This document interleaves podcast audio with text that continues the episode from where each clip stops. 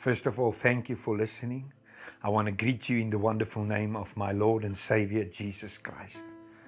And I just want to share a piece of scripture with you out of Philippians, the third chapter, verses 13, under the heading of Focused on the Goal.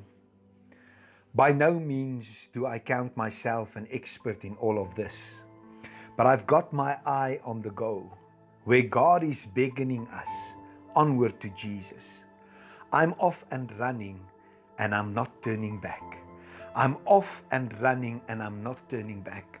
And I just want to share my thoughts around the topic. The time has come to stop turning back. The time has come to stop turning back. What is in the past is in the past. That is why we talk about past tense. What was said yesterday was said, it cannot be undone. Why? Because it's in the past, it's done and dusted.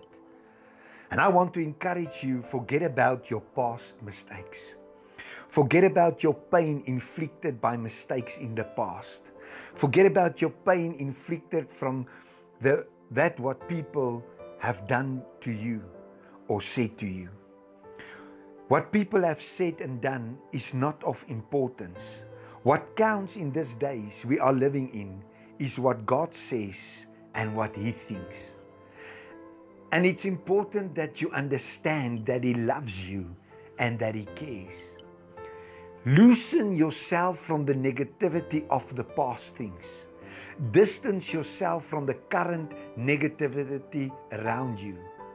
Yes, I'm talking to you. Let bygones be bygones because it's bygones. Tell me, can you relive yesterday? No, you cannot.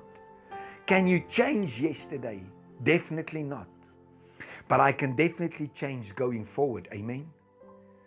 Does this mean I must deny my past? Does it mean that I must suppress it or that I must hide it? No way, no way. You must face it. Accept that it happened, but it's time to let it go and focus onward to Jesus. I know it won't be easy. I know it might be painful, but one thing you must know it's possible. It's possible. Luke 1:13 states, "For with God nothing shall be impossible." Do you hear it? Nothing shall be impossible. Philippians 3:13 King James version exclaims, "But this one thing I do, forgetting these things which are behind and reaching forth unto those things which are before." Forgetting those things which are behind and reaching forth unto those things which are before. But Yaku, you might say, I don't know what lies before me. Neither do I. But what I know and what I believe is the fact that He, my Savior, holds the future. And I beg of you to give Him the opportunity in your life. Going forward, there's still so much opportunities, so much adventures, so much love and blessing in store for you. You see, sometimes we are so problem minded, so past tense driven, that we miss all the opportunities God has in store for our lives. And I just can but wonder how many opportunities has passed you by. Think on that. How many opportunities has passed you by? Stop focusing on what was. Start focusing on what can be. Your past does not determine your future. I want to say that again. Your past does not determine your future. What is of utmost importance is the now. This moment in time determine what you will reach in the future. Today might be the first day of the rest of your life if you decide to focus on the things which are before. Make the move from what was to what can be.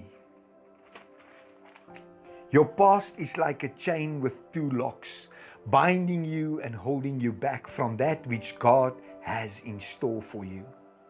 And I want to give you the keys to these two locks. Key number one forget those things which are behind.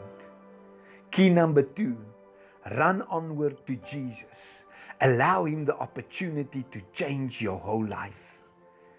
The keys is placed into your hands. And what are you going to do about it? The decision is yours. Let's just bow our heads for a moment. Father, we thank you for the opportunity to read from your holy word. Lord, we thank you for the keys that you have given us.